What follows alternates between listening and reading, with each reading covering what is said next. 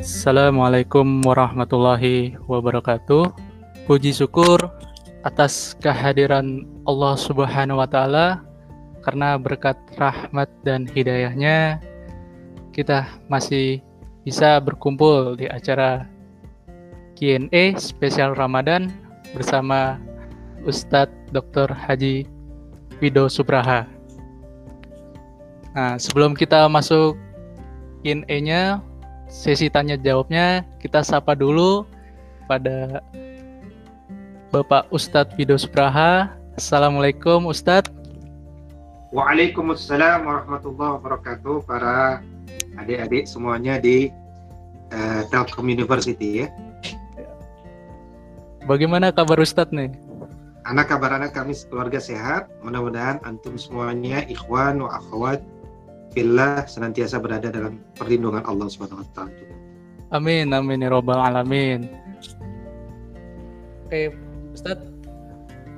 Kita lanjut ke pertanyaan pertama ya Ustadz. Iya, iya. Oke. Ustadz, apa hukumnya tidur sepanjang hari saat puasa?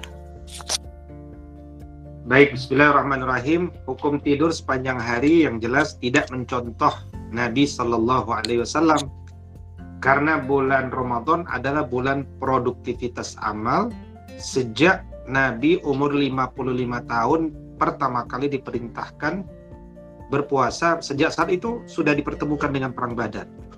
Dan sejak itu tradisi Ramadan adalah tradisi produktivitas amal. Karena itu tidur sepanjang hari adalah kesia-siaan. Benar ada satu hadis yang diangkat oleh Al-Imam Al-Ghazali dalam kitab Ihya Ulumuddin.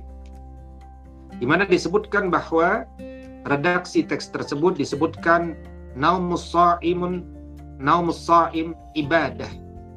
Ya yaitu tidurnya orang yang berpuasa itu adalah ibadah. Wasumtuhu tasbih dan diamnya adalah tasbih. Doanya dikabulkan dan amalnya dilipat gandakan namun atas teks ini banyak sekali ulama yang mengkritik uh, uh, apa namanya rijalnya, sanatnya sehingga misalkan Al Imam Al Baihaqi rahimahullah taala mem memberikan komentar bahwa salah satu rijal yang ada di dalam sanad tersebut seperti Ma'ruf bin Hassan dia dhaif. Dan sementara Sulaiman bin Amr juga lebih dhaif. Karena itu untuk dijadikan hadis min hadisil ahkam untuk dijadikan referensi hukum dia belum terlalu kuat. Karena itu kembali kepada keumuman maka merugilah manusia yang menghabiskan bulan penuh amal ini dengan memperbanyak tidur. Tapi lahirkanlah banyak karya. Demikian. Wallahu a'lam. Oke, terima kasih Ustadz. Jadi intinya bahwa tidur itu adalah suatu kesia-siaan ya di bulan suci Ramadan ya Ustadz. Nah, dan ada satu prinsip dalam agama ini, min husni islamil mar'i tarkuhu ma la ya'ni. Di antara bagusnya keislaman seseorang adalah meninggalkan apa yang sia-sia darinya. Karena itu, lakukan banyak hal yang tidak sia-sia, itu pertanda bagusnya keislaman kita. Terima kasih Ustadz. Pertanyaan kedua Ustadz. Bismillah. Ustadz, apakah menghirup kayu putih bisa membatalkan puasa?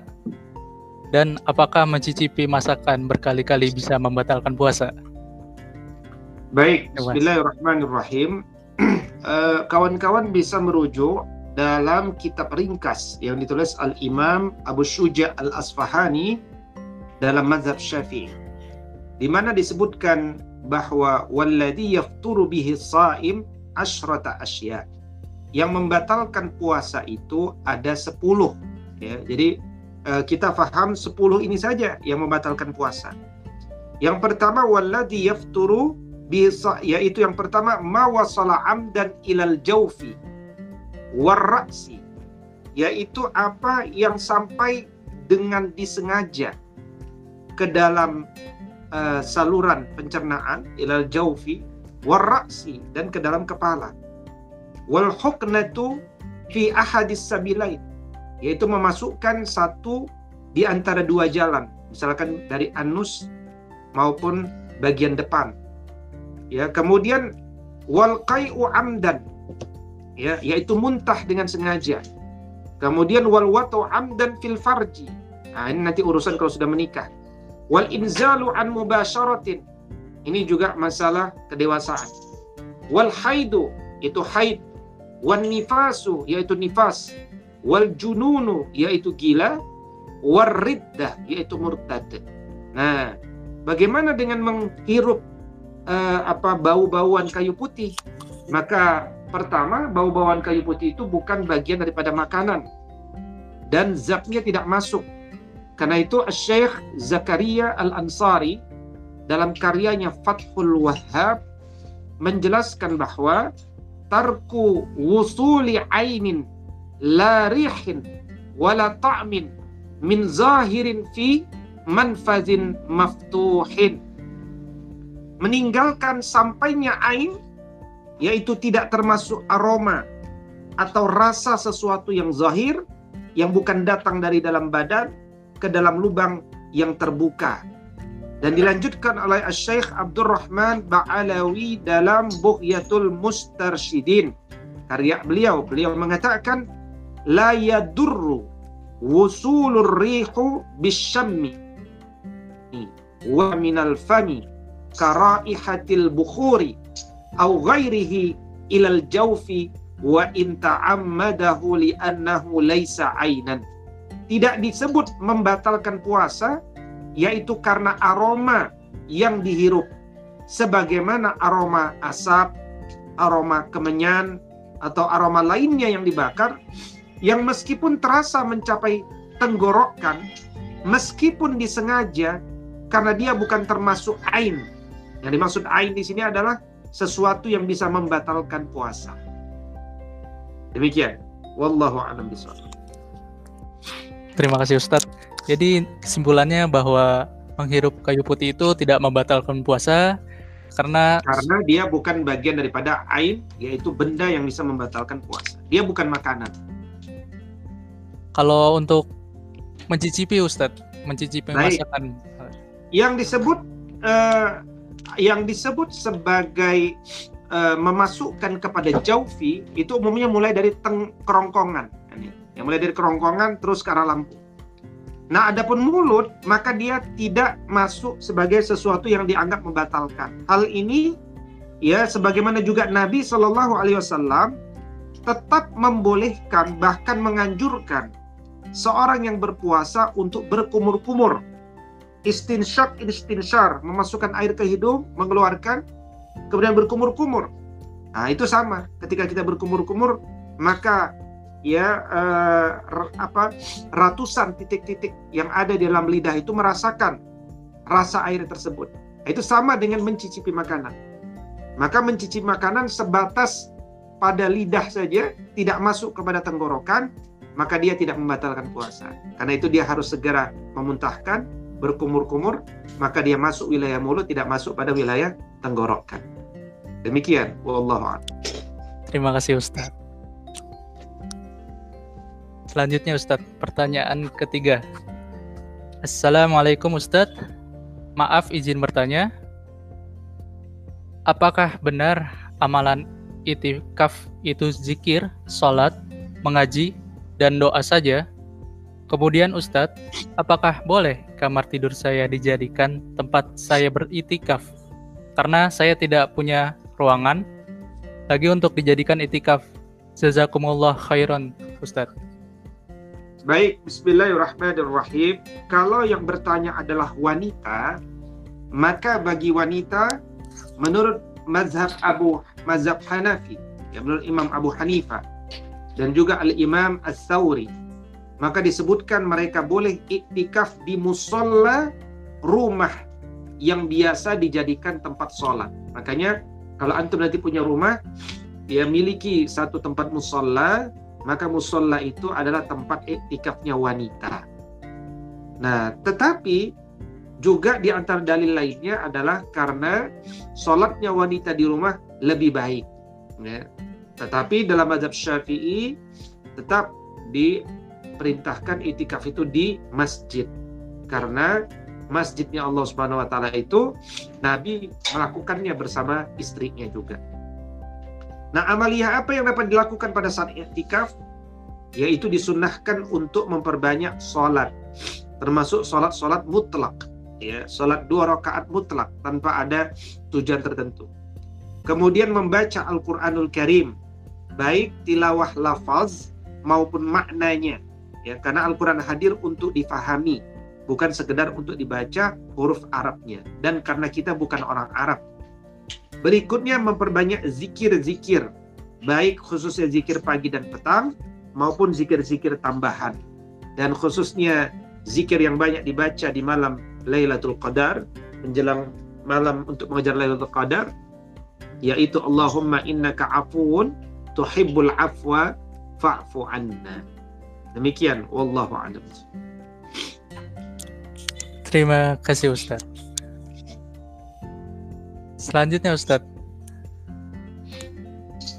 ingin bertanya Ustadz, apakah benar kalau nangis bisa membatalkan puasa? Baik, Bismillahirrahmanirrahim. Tadi telah disampaikan 10 hal yang membatalkan puasa. Maka hakikat menangis adalah mengeluarkan sesuatu, bukan memasukkan sesuatu, ya kan? Dia hmm. mengeluarkan sesuatu bukan memasukkan sesuatu. Ini hal pertama yang menyebabkan bahwa menangis itu tidak membatalkan puasa. Yang kedua, kalaupun dia memasukkan sesuatu ke dalam mata, maka mata itu sebagaimana ditegaskan oleh ulama oleh Syekh Abu Zakaria Yahya bin Sharaf An-Nawawi An-Nawawi dalam Raudatul Talibin disebutkan bahwa yang namanya memasukkan sesuatu ke mata itu meskipun ada rasanya di dalam tenggorokan itu sebenarnya tidak memasukkan. Kenapa? Karena diyakini tidak ada jalur dari mata menuju kerongkongan karena dia adalah jalur yang berbeda. Karena itu ya atas atas dua hal ini menangis tidak masuk dalam uh, membatalkan puasa. Bahkan sangat dianjurkan bagi kita ya untuk menangis ketika uh, tilawah Al-Qur'an, membaca ayat-ayat tentang neraka. Ketika kita istighfar, ketika membaca Sayyidul Istighfar banyak manusia menangis. Maka menangis seperti ini bagus sekali. Ya, atau apalagi ketika dia sedang uh, memikirkan kondisi sahabat uh, kondisi kaum muslimin di Filistin, di Palestina. Ya. Atau kemudian kondisi saudaranya di Burma, di India, di Cina, ya atau kondisi saudaranya yang kelaparan karena uh, COVID-19 ini dia menangis mendoakan kebaikan untuk mereka. Maka ini menangis yang baik yang tidak membatalkan puasa juga. Wallahu a'lam bishawab Masya Allah. Terima kasih Ustadz selanjutnya Ustadz apa hukumnya telat bayar hutang puasa sampai masuk Ramadan selanjutnya? Apakah tetap boleh dikodok? Terima kasih Ustadz Baik, Bismillahirrahmanirrahim. Uh, menunda-nunda satu kewajiban ini adalah perkara yang tidak boleh dilanjutkan. Yang namanya kodok itu hakikatnya kita berkejaran dengan kematian. Ya, kita berkejaran dengan kematian. Karena itu kemudian mari bersegera lakukan. Ya, misalkan kita punya uh, hutang sholat subuh dua rakaat, maka kerjakan sesegera mungkin tanpa harus menunggu waktu sholat subuh. Karena umur kita belum tentu sampai waktu sholat subuh. Nah karena itu Syekh Muhammad uh, Syekh Imam An Nawawi, tapi Al An Nawawi Al Bantani, bukan An Nawawi uh, uh, Syria, Al Imam An Nawawi Al Bantani. Dalam karyanya Kashifatus Saja ala Safinatin Najah menjelaskan bahwa orang yang menunda-nunda ini maka dia wajib ya tetap membayar kodok itu pasti. Karena yang namanya puasa itu kalau tidak dikerjakan itu hutang seumur hidup.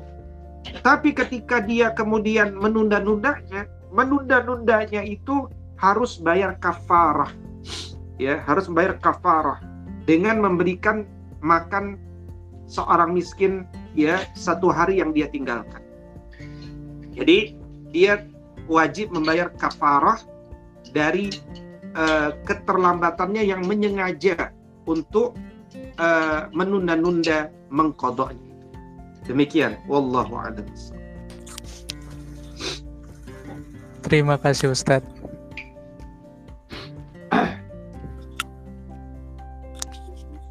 Selanjutnya Ustadz, bagaimana cara mengganti puasa yang lupa jumlahnya?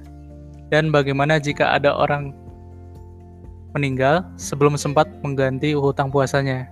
Dan orang yang ditinggalkan tidak tahu jumlah hutang puasanya itu. Baik, bismillahirrahmanirrahim. Mengganti hutang puasa, maka itu urusan orang yang masih hidup pada asalnya. Karena itulah kemudian tadi saya mengatakan bahwa seseorang itu berlomba-lomba dengan kematiannya. Ketika seseorang itu punya hutang apa pun, hutang hutang puasa, hutang bayar makanan seribu ke uh, mang yang di PGA itu, ya kemudian hutang uh, zakat, ya hutang sholat dan seterusnya. Karena itu kemudian Allah menyindir manusia dalam Quran surat Ar-Rum ya ayat ketujuh ya bahwa ya'lamuna zahiran minal hayati dunya wa hum 'anil akhirati hum ghafilun. Banyak orang profesional betul mengingat apa-apa yang menjadi kewajibannya untuk dunia. Tapi untuk urusan akhirat kadang-kadang mereka nggak pernah mencatat, mereka suka melupa-lupakan, dan seterusnya.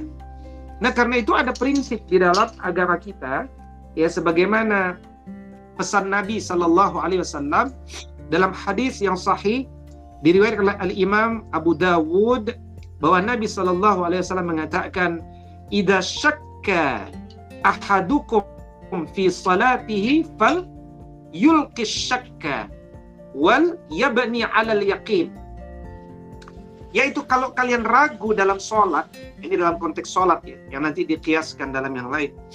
Hendaknya dia buang keraguan dan dia ambil yang lebih yakin. Jadi selalu berpegang pada yang yakin. Karena itu nanti muncul kaidah fikih al yakin la yuzalu bisyakki. Keyakinan itu tidak bisa dikalahkan dengan keraguan. Ya, nggak bisa dilakukan oleh keraguan. Ya, karena itu kejar keyakinan, jangan kejar keraguan. Selama engkau masih ragu, maka engkau akan bisa mengulang terus-menerus sampai engkau yakin. Nah, ini disampaikan oleh Al-Imam Abu Qudamah. Ya, kata beliau, "Idza kasratal fawaid" yaitu apabila tanggungan puasa kalian sangat banyak, dia pun harus terus-menerus melakukan kodok. Jika dia tahu berapa jumlah hari yang dia tinggalkan, dan menjadi kewajiban baginya, maka dia harus mengulang-ulang kodok itu sampai dia yakin betul bahwa seluruh tanggungannya telah dia gugurkan. Itu kalau kita mengejar keyakinan itu, maka kejar sampai yang yakin. Karena itu yang paling aman, ya. Karena itu yang paling aman. E, karena itu kemudian tetapkan keyakinan. Aku ada berapa ya? Nah, Adapun kemudian terkait orang yang sudah wafat, yang sudah mati, maka kemudian tentu kita tidak tahu berapa sih utang mereka karena yang tahu dia dengan Allah. Ya, karena itu perlu dicari orang-orang di sekitarnya. Kalau nggak ada juga, berapa angka yang paling aman? Tentunya angka 30 hari yang paling aman. Ya, karena itu dia bisa ya membayarkan fidyah yang 30 hari itu. Ya. Wallahu a'lam bishawab. Terima kasih Ustadz. Selanjutnya Ustadz, izin bertanya Ustadz, apakah benar setan dikurung saat bulan Ramadan? Karena ada kenalan saya yang sempat kesurupan. Terima kasih Ustadz. Baik, Bismillahirrahmanirrahim. Beda, ya. Yang pertama, naam. Idza jaa Ramadan, futihat abwabul jannah wa ghulliqat abwabun nar wa suffidatis syayatin. Jadi syaitan itu dibelenggu. Ya. Syaitan itu di belenggu. Ya, apa makna syaitan itu? Syaitan itu maknanya adalah sesuatu yang yang ya yaitu yang menjauhkan kita ya. Itu makna daripada syaitan. Ya, karena itu kemudian uh, hakikatnya syaitan itu adalah hakikatnya itu dia adalah sifat. Ingat dalam Quran surat An-Nas disebutkan minal jinnati wan nas ya, minal jinnati wan nas. Jadi ada syaitan dari kalangan jin dan ada syaitan dari kalangan manusia. Ketika mereka punya sifat syaitan, maka dia punya sifat yang akan menjauhkan dia dari kebenaran. Ya. Dan alhamdulillah. Dan akan membawa kepadanya pada aktivitas yang membawa pada kemurkaan Allah Subhanahu wa taala. Karena itu syaitan itu bukan entitas, tapi dia adalah sifat. Allah Subhanahu wa taala menciptakan entitas berupa malaikat, jin, dan manusia. Nah, yang membuat kesurupan seseorang itu bukan syaitan, tapi jin.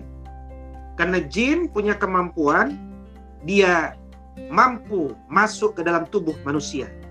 Yajri majrad dam. Ya, yaitu sifat buruk hanya jin yang punya sifat buruk lah yang kemudian dia mengganggu manusia dan masuk ke dalam aliran darah manusia. Jadi hakikat kesurupan adalah masuknya jin ke dalam aliran darah manusia. Maka yang perlu kita lakukan temukan di titik aliran darah, di titik perkumpulan darah yang mana jin itu dia berkumpul. Tekan titik-titik tertentu. Di mana dia sakit, di situlah keberadaan jin. Ya, karena itu apakah mungkin jin mengganggu manusia di bulan Ramadan? Sangat mungkin. Ya, sangat mungkin dia mengganggu manusia.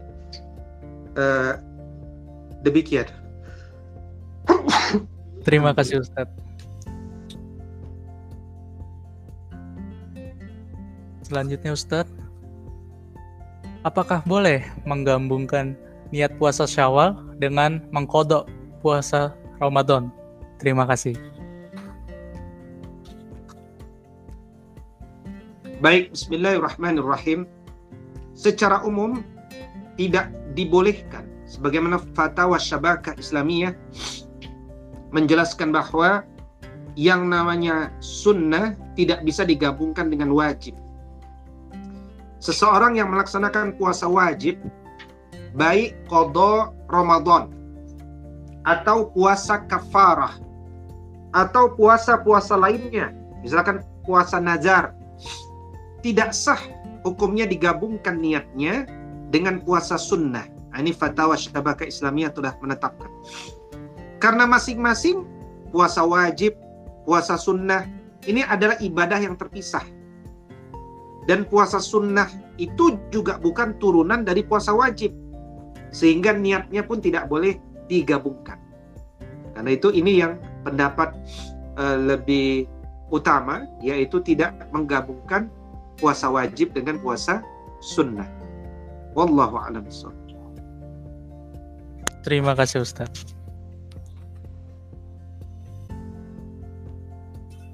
Selanjutnya Ustaz. Ustaz ingin bertanya, di masa pandemi ini apakah nanti apakah nantinya boleh melaksanakan sholat id di rumah? Terima kasih Ustaz.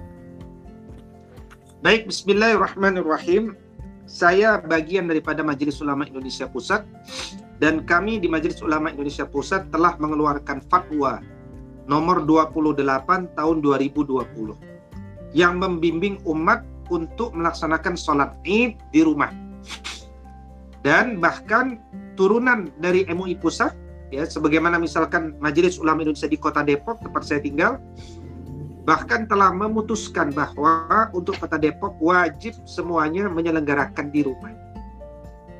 Karena itu hukumnya bukan boleh, tapi malah menjadi wajib.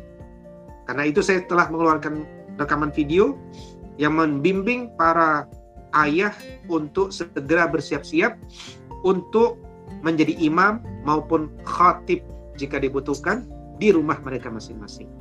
Demikian, wallahu a'lam bishawab. Terima kasih Ustaz.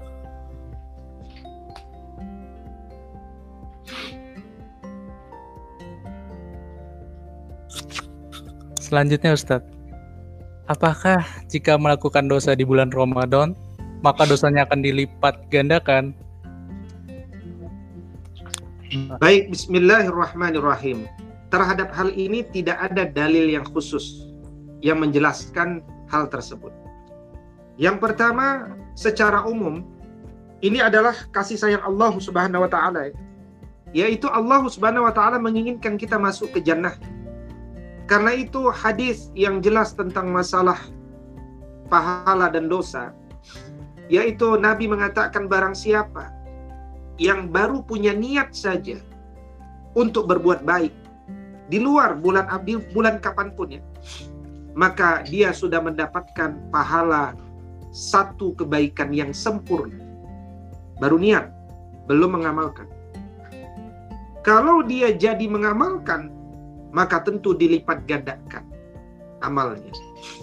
Sebaliknya, kalau seseorang itu berniat berbuat keburukan, belum dicatat Allah sebagai satu keburukan.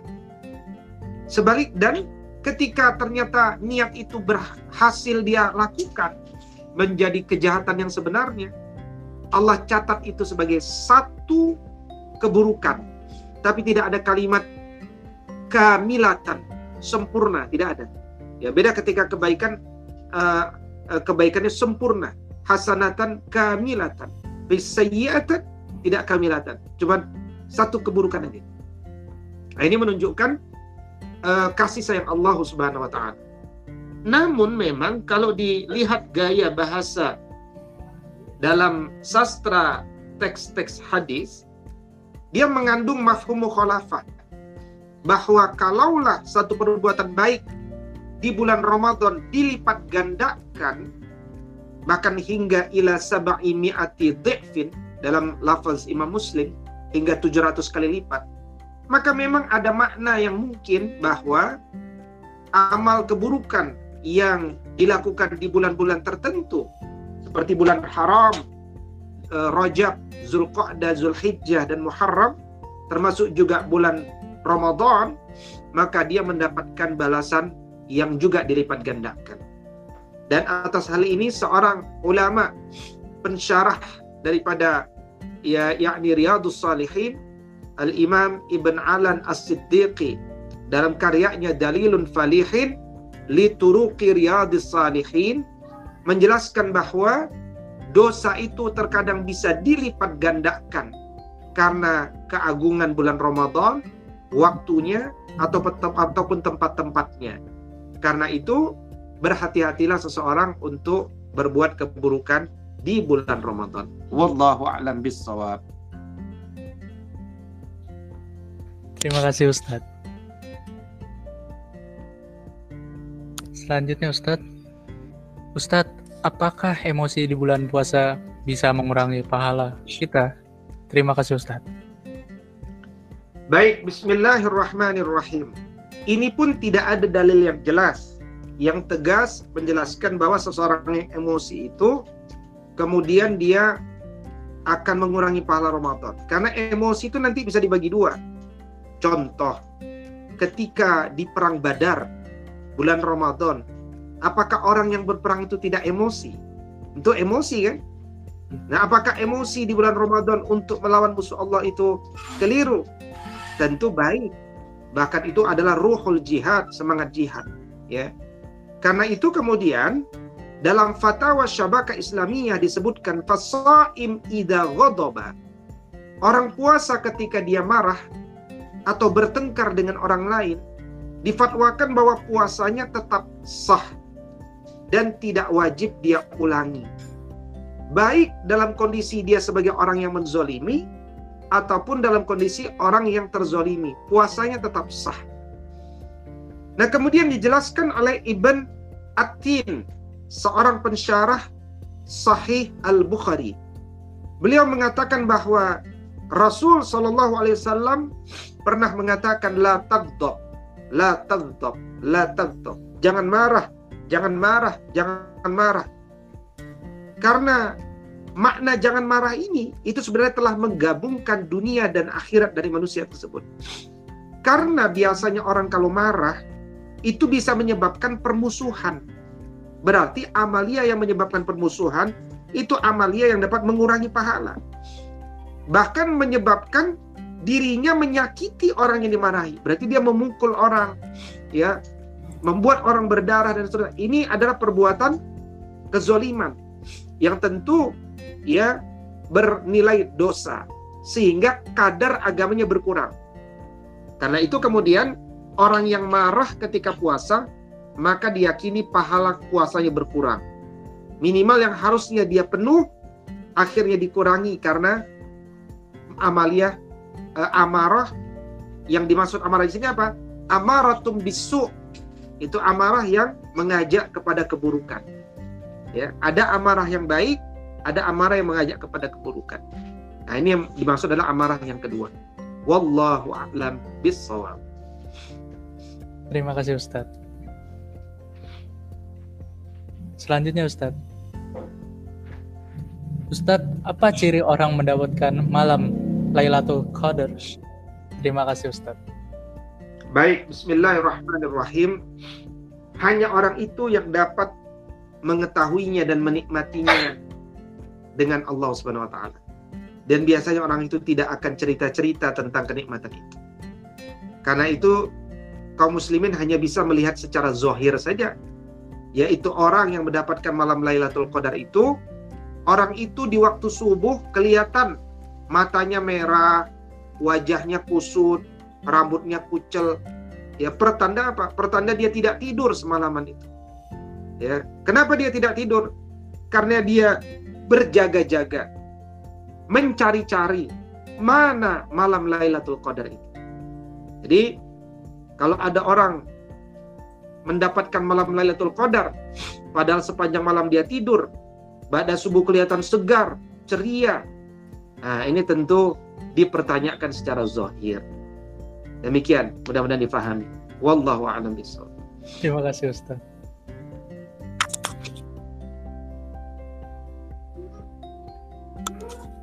Pertanyaan selanjutnya Ustadz Ustadz, apa keutamaan bagi orang yang meninggal di bulan Ramadan? Terima kasih Ustadz. Baik, bismillahirrahmanirrahim.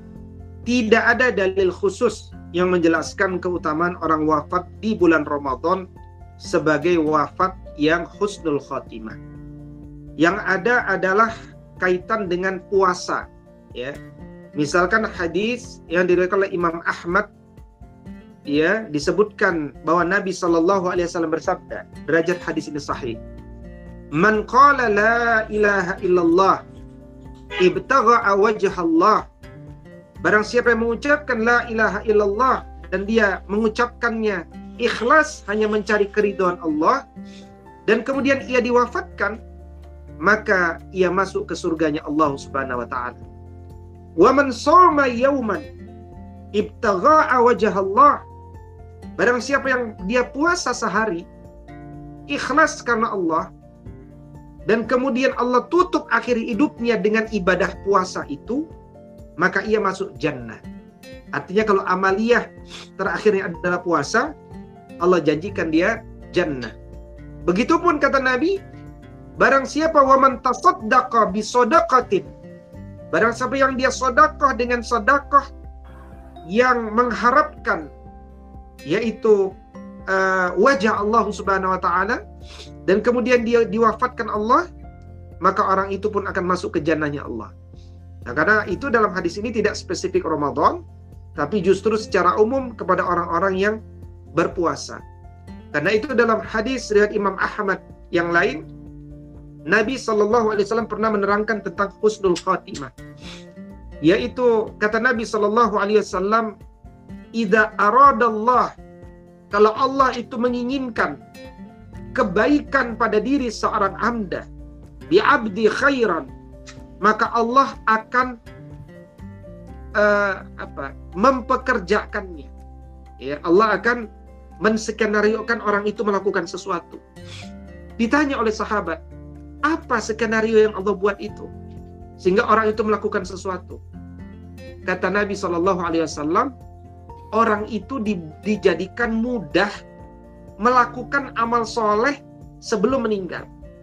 Artinya orang yang meninggal dalam kondisi amal soleh, orang itu husnul khotimah.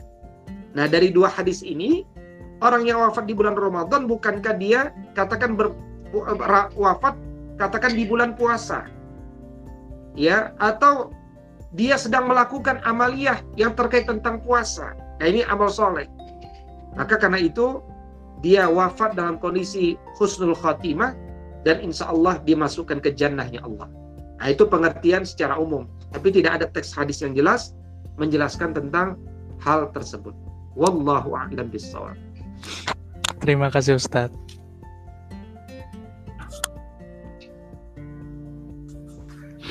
Pertanyaan selanjutnya Ustaz. Ustaz, saya pernah mendengar katanya saat bulan Ramadan datang, almarhum keluarga pulang ke rumah masing-masing. Apakah benar? Bismillahirrahmanirrahim. Kalau jadi jasad ini ditiupkan ruh di hari ke-121.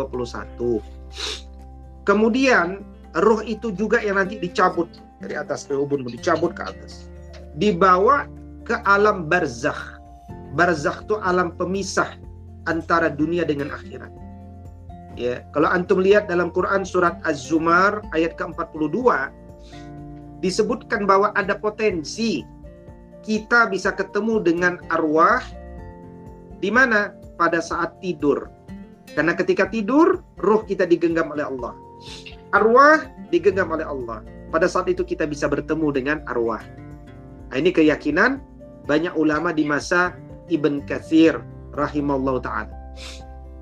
Dan kemudian kalau antum juga baca Quran surat Al-Mu'minun, surat ke-23 ayat 99 hingga 100, Allah katakan hatta idza jaa ahadahumul mautu qala rabbirji'un.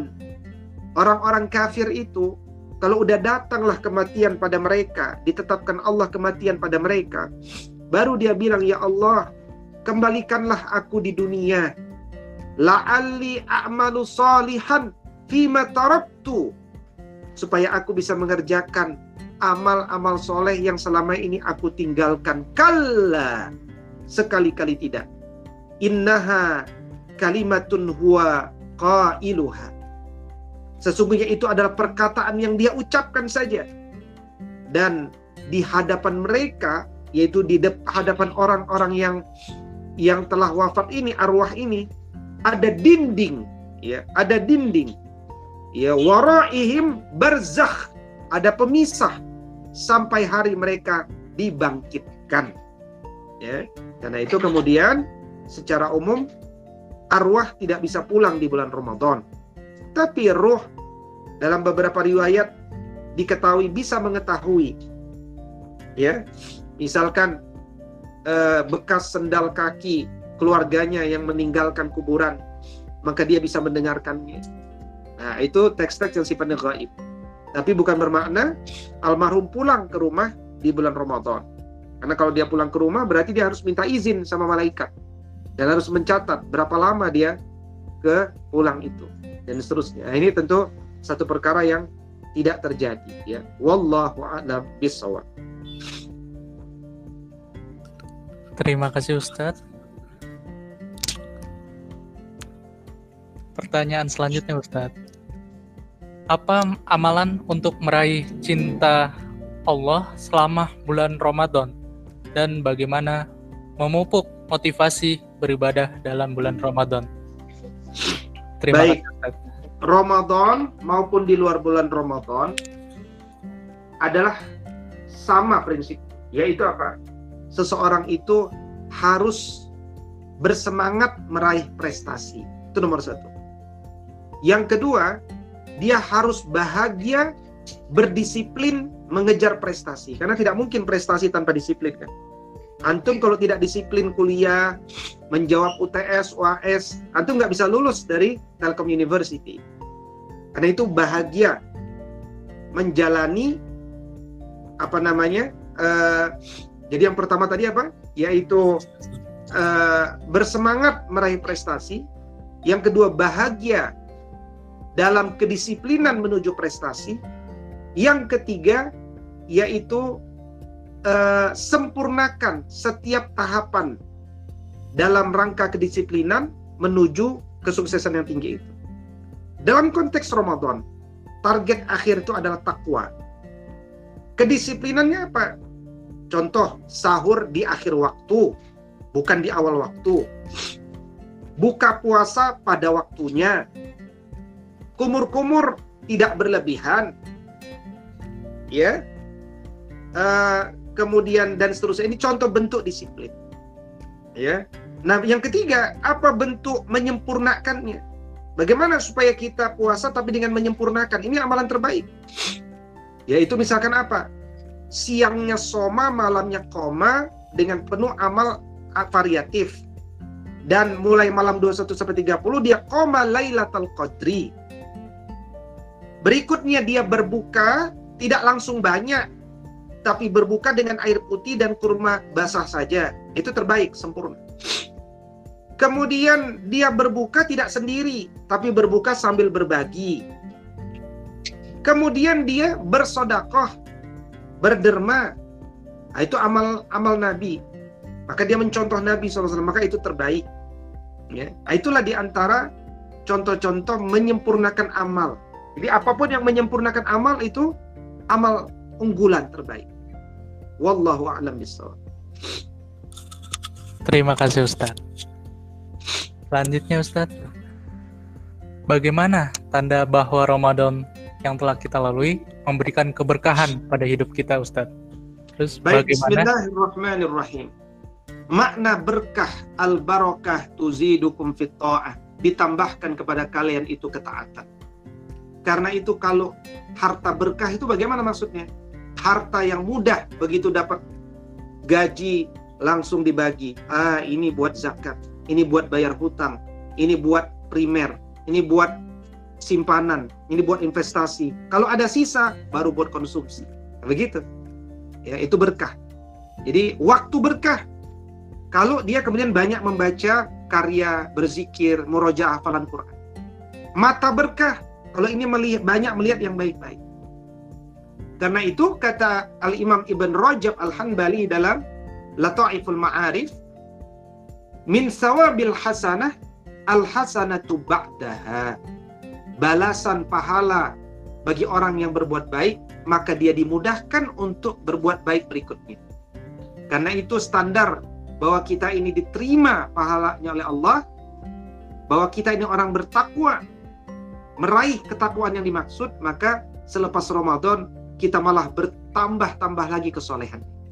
Tapi begitu pasca Ramadan kita kembali lagi seperti sedia kala, khawatirlah jangan-jangan gelar takwa itu belum kita peroleh. Wal billah. Wallahu a'lam Terima kasih Ustaz.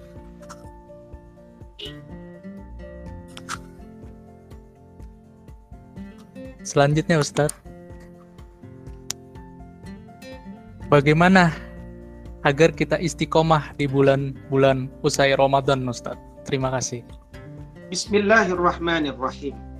Kiat istiqomah satu. Baca Al-Quran sembari memaknai kandungan. Tadabbur. Tanpa faham tidak mungkin orang bicara istiqomah. Istiqomah itu di atas ilmu, bukan perasaan. Istiqomah di atas ilmu dialah yang langgeng hingga akhir hayat. Yang kedua, dia hendaknya banyak membaca kisah-kisah orang-orang istiqomah. Nabi, para nabi anbiya, ya, para generasi salafus soleh, ya, dan seterusnya. Yang ketiga, dia hendaknya berkumpul bersama orang-orang soleh, ya, orang-orang istiqomah. Allah katakan misalkan dalam Quran surat At-Taubah ayat 119, yaitu Ya ayyuhalladzina amanu taqullaha wa kunu ma'as. Berkumpullah bersama orang-orang yang jujur imannya kepada Allah. Mereka itulah orang-orang yang istiqomah. Yang keempat, perbanyak berdoa. Yaitu di antara doa orang istiqomah Quran surat Ali Imran ayat ke-147. Rabbana gfir lana dzunubana wa israfana fi amrina wa tsabbit aqdamana wansurna alal qaumil kafirin. Termasuk juga fahami ketika kita membaca suratul Fatihah tujuh ayat itu Itu ayat yang paling substansi ayat ke-6 sebenarnya, yaitu isinya doa. Ihdinas siratal mustaqim. Ya Allah, berikanlah kami hidayah agar senantiasa istiqomah di jalan yang lurus itu. Karena itu supaya dia istiqomah, apa jawaban Allah? Zalikal kitabu la raiba fihi hudal lil muttaqin. Al-Quran ini tidak ada keraguan di dalamnya sebagai sumber hidayah bagi orang-orang bertakwa. Berarti hidayah yang akan membuat orang istiqomah di atas kefahaman itu tidak ditunggu, tapi dia dicari. Maka sibuk mencari, sibuk menggali Quran, kesibukan itu sendiri adalah wujud keistiqomahan. Wal billah. Wallahu a'lam Terima kasih Ustadz. Selanjutnya Ustadz, Assalamualaikum Ustadz, izin bertanya. Maaf jika out of the topic tentang Ramadan yang ingin saya tanyakan. Jika seseorang yang sudah menginjak usia dewasa, 20 tahun ke atas, memiliki sifat penakut, sulit mengambil keputusan, takut mendengar pendapat orang lain, dan suka membandingkan dirinya sendiri dengan orang lain, dan itu terjadi secara otomatis dan dia merasa sifat tersebut terbentuk dari trauma masa kecil lah. Mungkin bisa dibilang trauma. Karena waktu kecilnya sering sekali dia dibandingkan dengan kakaknya oleh orang tuanya atau omnya, entah dari segi fisik maupun akademik. Pertanyaannya, apakah kita boleh menyalahkan masa lalu sedangkan sifat ini diakibatkan dari pengaruh sekitar? Bagaimana caranya untuk bisa berubah? Terima kasih Ustadz. Bismillahirrahmanirrahim. Bismillahirrahmanirrahim. Tidak boleh menyalahkan masa lalu. Dan tidak boleh berandai-andai untuk masa lalu. Ini yang pertama. Ya. Tidak boleh berandai-andai untuk masa lalu. Yang kedua adalah perlu disadari bahwa Al-Quran asyifa lima fis sudur. Al-Quran itu adalah obat bagi jiwa.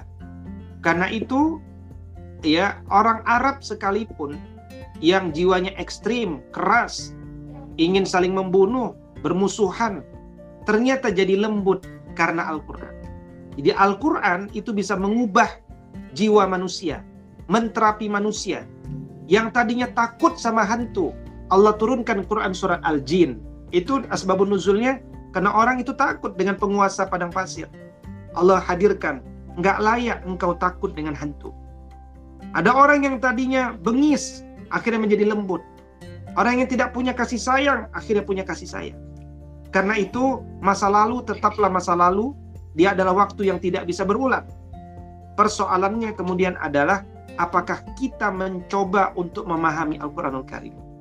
Bagaimana memahami Al-Quranul Karim? Ikuti orang Arab dulu, difahamkan Al-Quran oleh Allah Subhanahu Wa Taala, mulai dari turunnya surat-surat Makkiyah.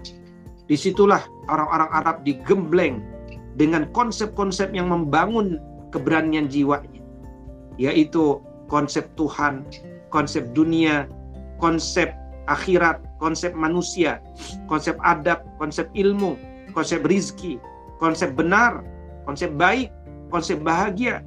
Ini diajarkan satu persatu panjang, 13 tahun lamanya. Akhirnya terjawab semua pertanyaan-pertanyaan dalam hati mereka. Mereka tidak lagi menjadi anak-anak yang galau. Karena mereka sudah aman.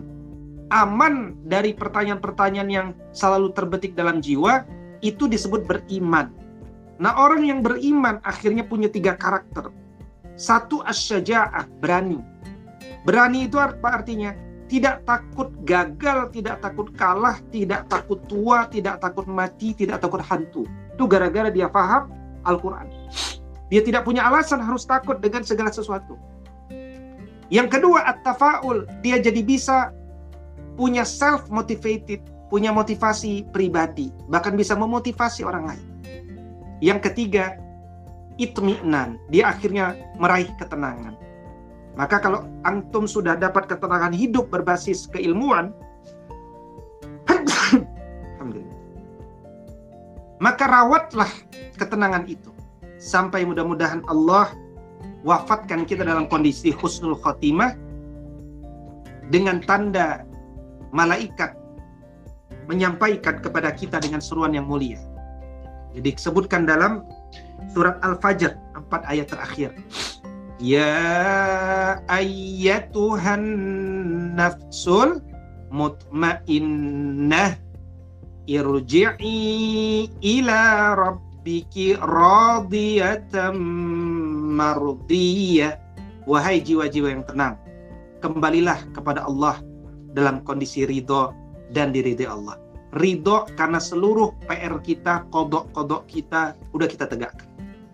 Ya, diridhoi Allah karena kita tidak lagi mengungkit masa lalu, tetapi melihat masa depan. Masa depan kita insya Allah jannah. Karena itu untuk mencapai masa depan itu, hadirkan sebab-sebab untuk masuk ke jannah. Banyak orang tidak bisa maju karena ketarik-tarik dengan masa lalunya. Islam hadir untuk melupakan masa lalu, tidak men, tidak menyalahkan masa lalu, karena setiap masa lalu itu insya Allah baik bagi kita dan selalu ada hikmah, ibroh dan tanda kebesaran Allah di sana, maka berbahagia, fokus ke depan, istiqomah menuju surganya Allah Subhanahu wa taala. Yassir lakum fi niyatikum. Amin ya Allah ya Terima kasih Ustadz. Mungkin pertanyaannya sudah selesai Ustadz. Mohon maaf teman-teman apabila pertanyaannya belum terjawab semuanya. Baik Ustadz, karena waktu sudah sekitar satu jam berlalu dimohon untuk Ustadz Widon Ustadz Wido untuk menutup acara ini dengan doa. A'udzubillahiminasyaitonirrojim Bismillahirrahmanirrahim. Alhamdulillahi Rabbil Alamin. Ar-Rahmanir Maliki Yaumiddin إياك نعبد وإياك نستعين اهدنا الصراط المستقيم صراط الذين أنعمت عليهم غير المغضوب عليهم ولا الضالين. آمين. اللهم اغفر لنا ولوالدينا وللمؤمنين يوم يقوم الحساب. اللهم حبب إلينا الإيمان وزينه في قلوبنا وكره إلينا الكفر والفسوق والعصيان وجعلنا من الراشدين. اللهم ربنا اجعلنا مقيم الصلاة ومن ذريتنا ربنا وتقبل دعاء. اللهم إنك تعلم أن هذه القلوب قد اجتمعت على محبتك والتقت على طاعتك وتوحدت على دعوتك وتعاهدت على نصرة شريعتك. فوثق اللهم رابطتها وأدم مدها واهدها سبلها واملأها بنورك الذي لا يخبو واشرح صدورها بفيض الإيمان بك. وجميل التوكل عليك وأحيها بمعرفتك وأمتها على الشهادة في سبيلك. إنك نعم المولى ونعم النصير. اللهم آمين. وصل اللهم على نبينا محمد وعلى آله وصحبه وسلم وآخر دعوانا عن الحمد لله رب العالمين Terima kasih Ustadz. Alhamdulillahirrahmanirrahim. Acara Q&A-nya sudah kita laksanakan. Jika ada kurangnya saya perwakilan dari panitia meminta mohon maaf. Allah Allah, Allahu a'lam. Wassalamualaikum warahmatullahi wabarakatuh. Waalaikumsalam warahmatullahi. Terima kasih Ustaz. Barakallahu fikum jami'. thank you